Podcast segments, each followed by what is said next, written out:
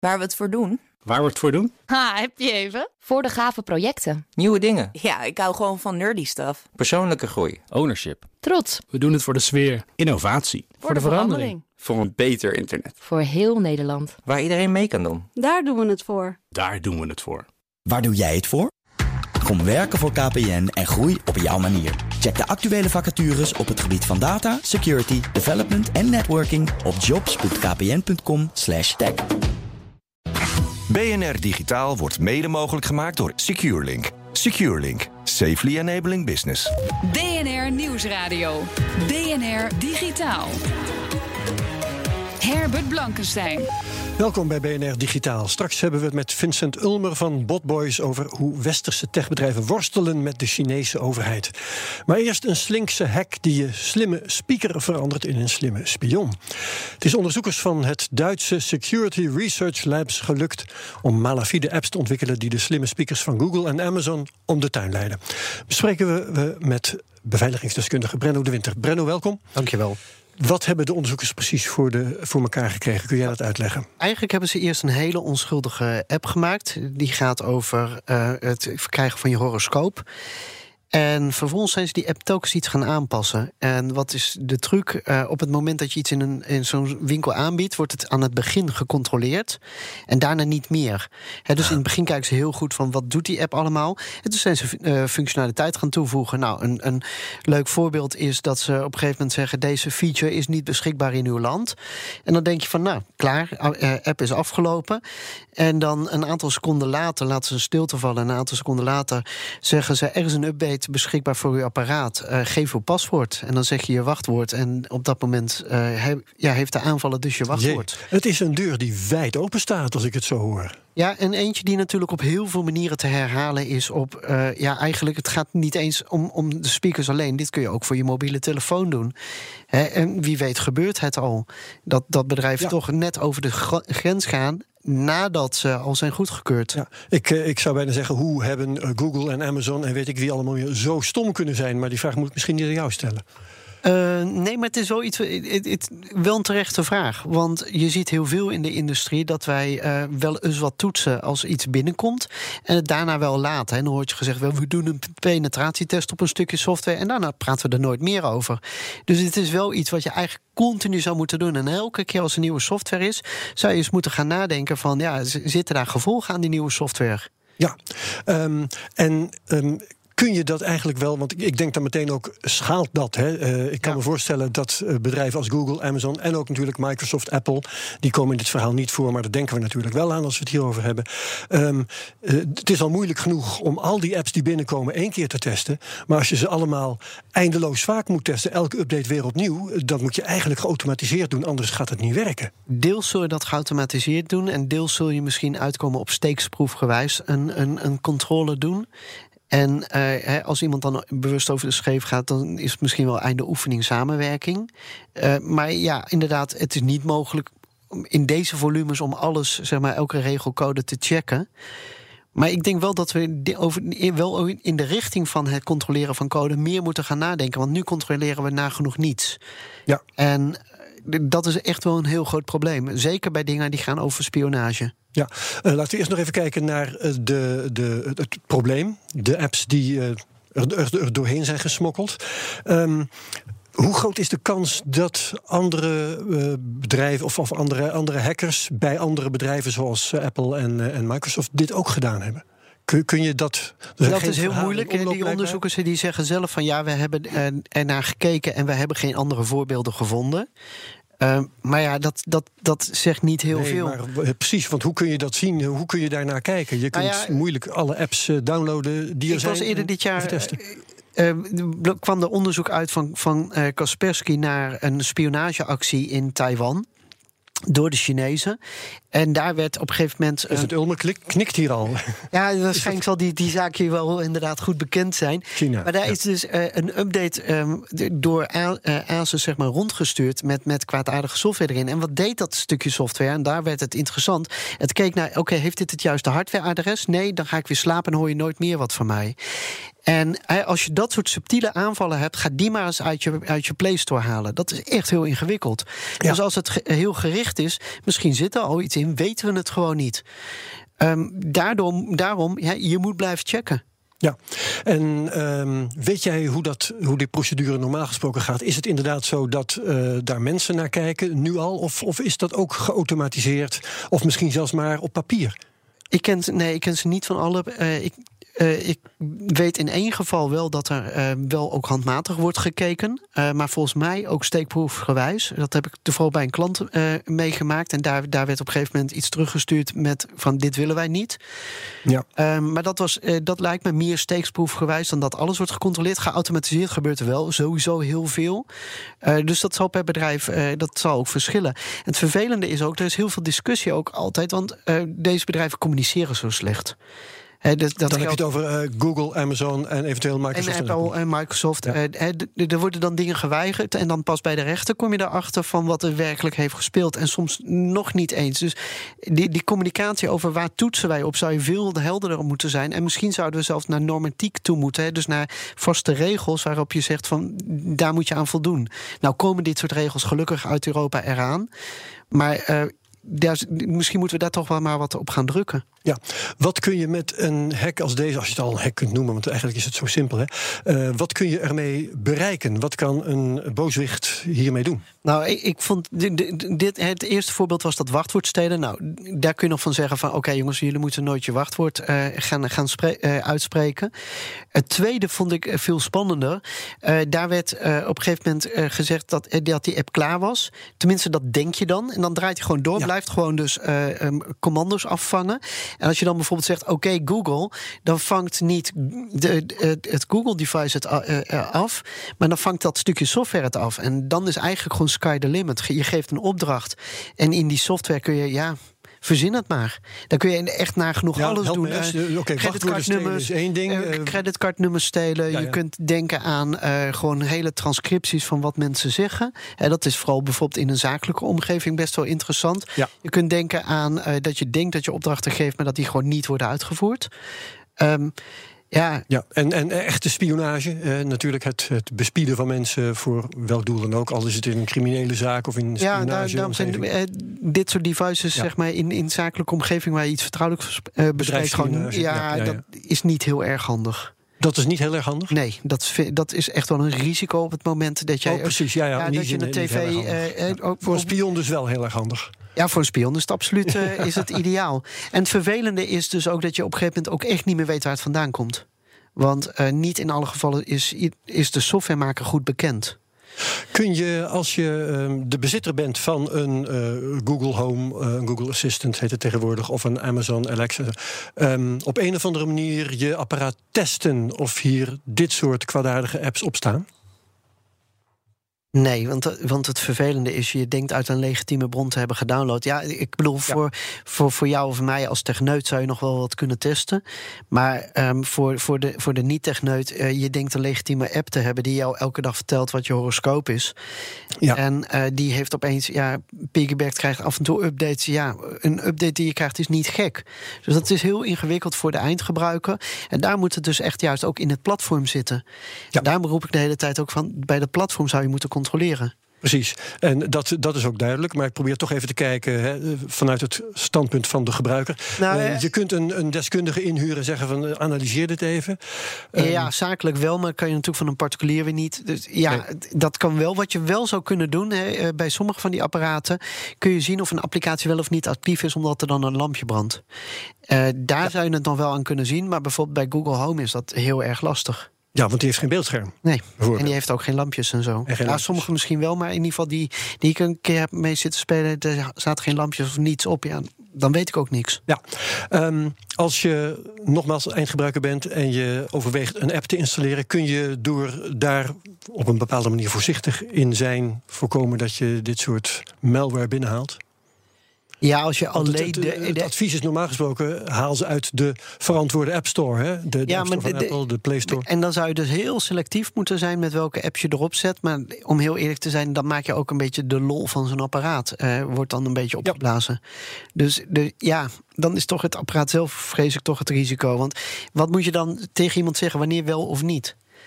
Ja.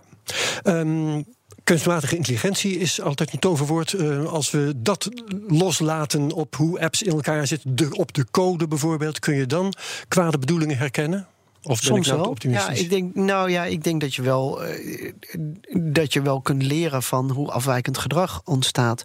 En namelijk bijvoorbeeld, eh, een van de dingen die ze deden was een stilte laten vallen. Door een code te, te geven om uit te spreken die zo ingewikkeld was dat de computer dat niet kan. En dan wordt er niets uitgesproken.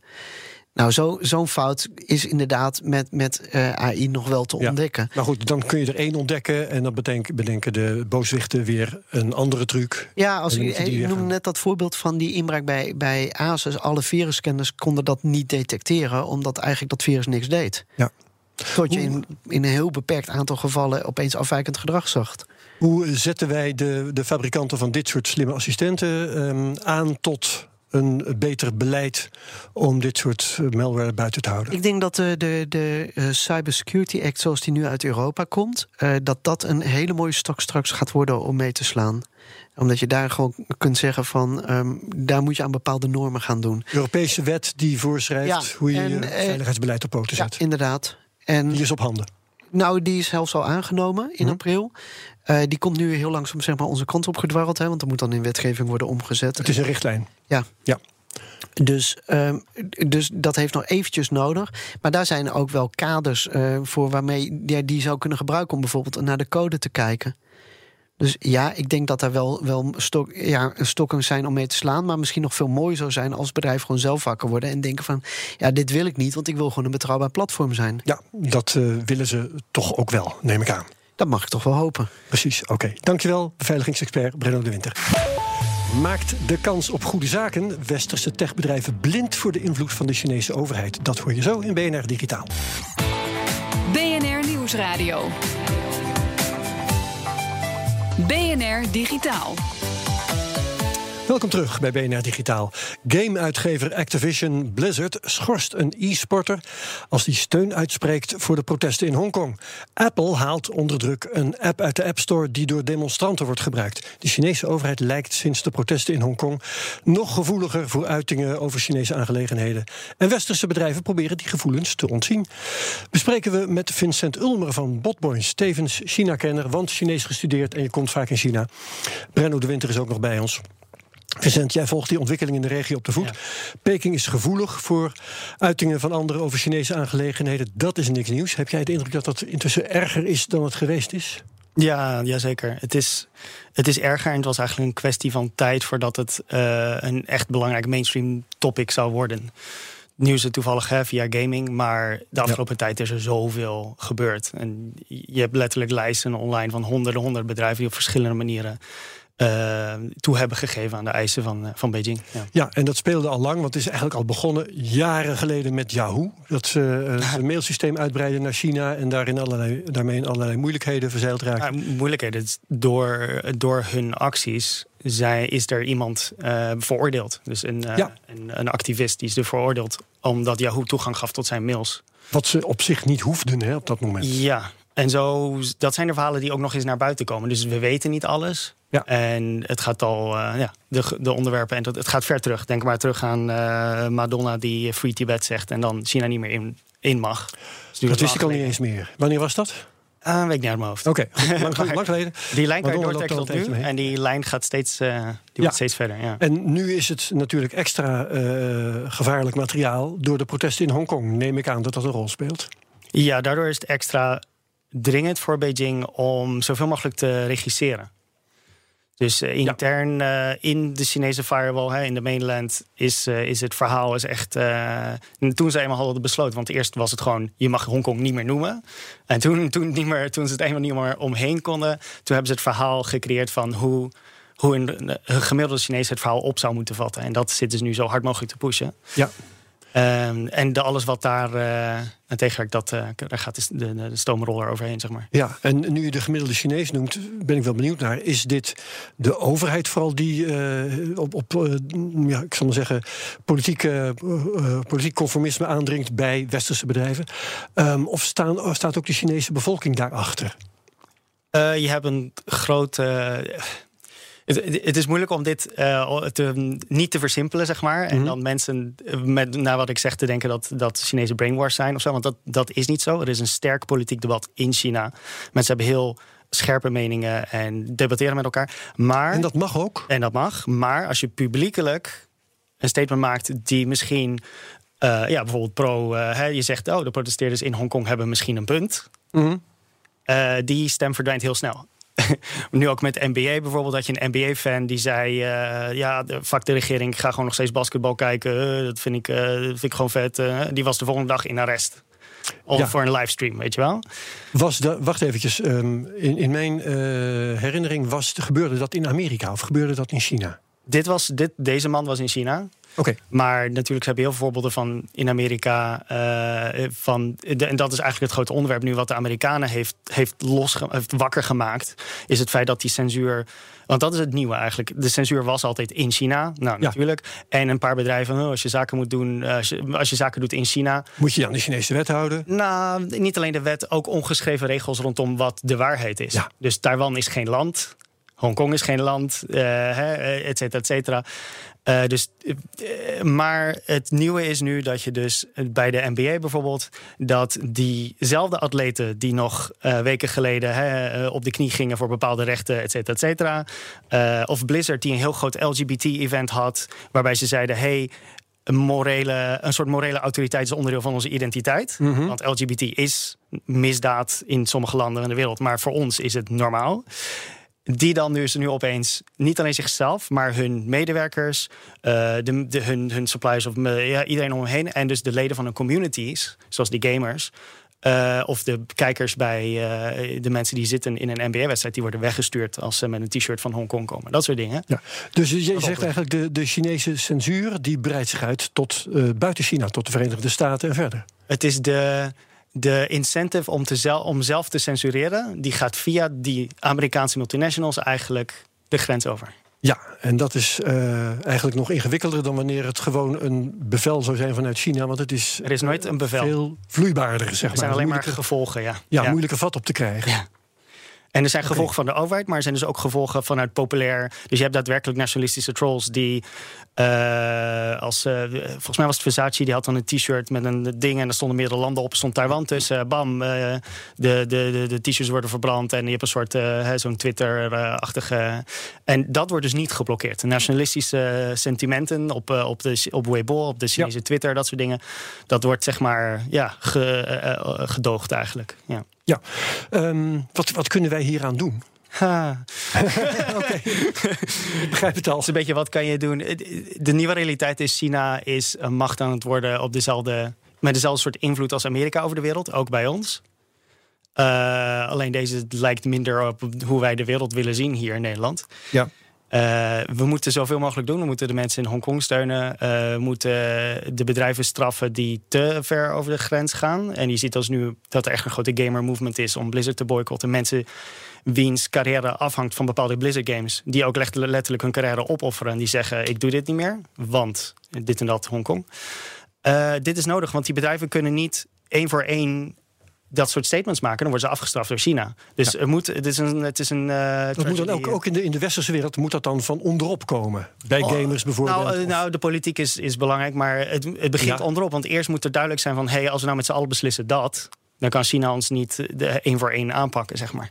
Ja, toch nog even kijken naar Brenno. Zijn wij, is er niet gewoon een bepaalde uh, ja, niet-compatibiliteit aan het ontstaan tussen, tussen westerse landen en, en China? Want ja, als je ja. technologie wil leveren met onze, ons waardestelsel daar natuurlijk gewoon in, in ja, versleuteld bijna. En je gaat dan nu zeggen van de Chinese waarden gaan, gaan voordringen. Dat, dat klinkt behoorlijk incompatible eigenlijk. Ja, ja, en als je heel relativistisch bent, dan kun je ook zeggen: nou ja, uh, het is over en weer. Hè. Uh, China is misschien wel net zo verontwaardigd over uh, westerse bedrijven of westerse individuen die de westerse waarden daar naar binnen proberen te smokkelen. Waarom als wij. Denk, waarom denk je dat Facebook geblokkeerd is? Vanaf het begin al. Ja, precies die reden. Zij willen die controle over hun eigen wereldbeeld eigenlijk. En ik vind het een zelftegenstrijdig, uh, niet, uh, voor de lange termijn geen goed wereldbeeld.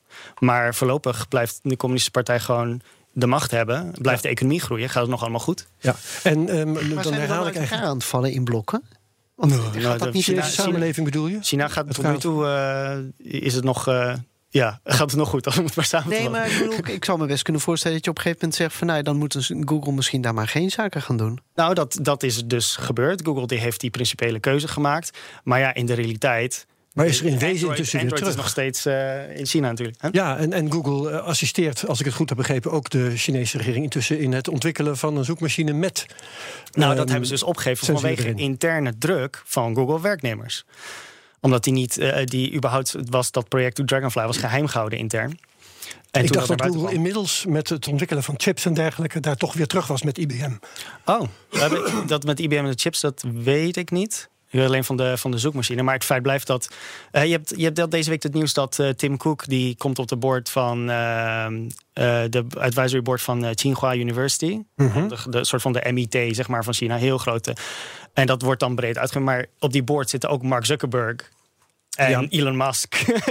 en de, samen met de burgemeester van Beijing. En weet je wel, dat soort ja. figuren zitten bij elkaar op één board. Dus China is heel belangrijk, heel invloedrijk.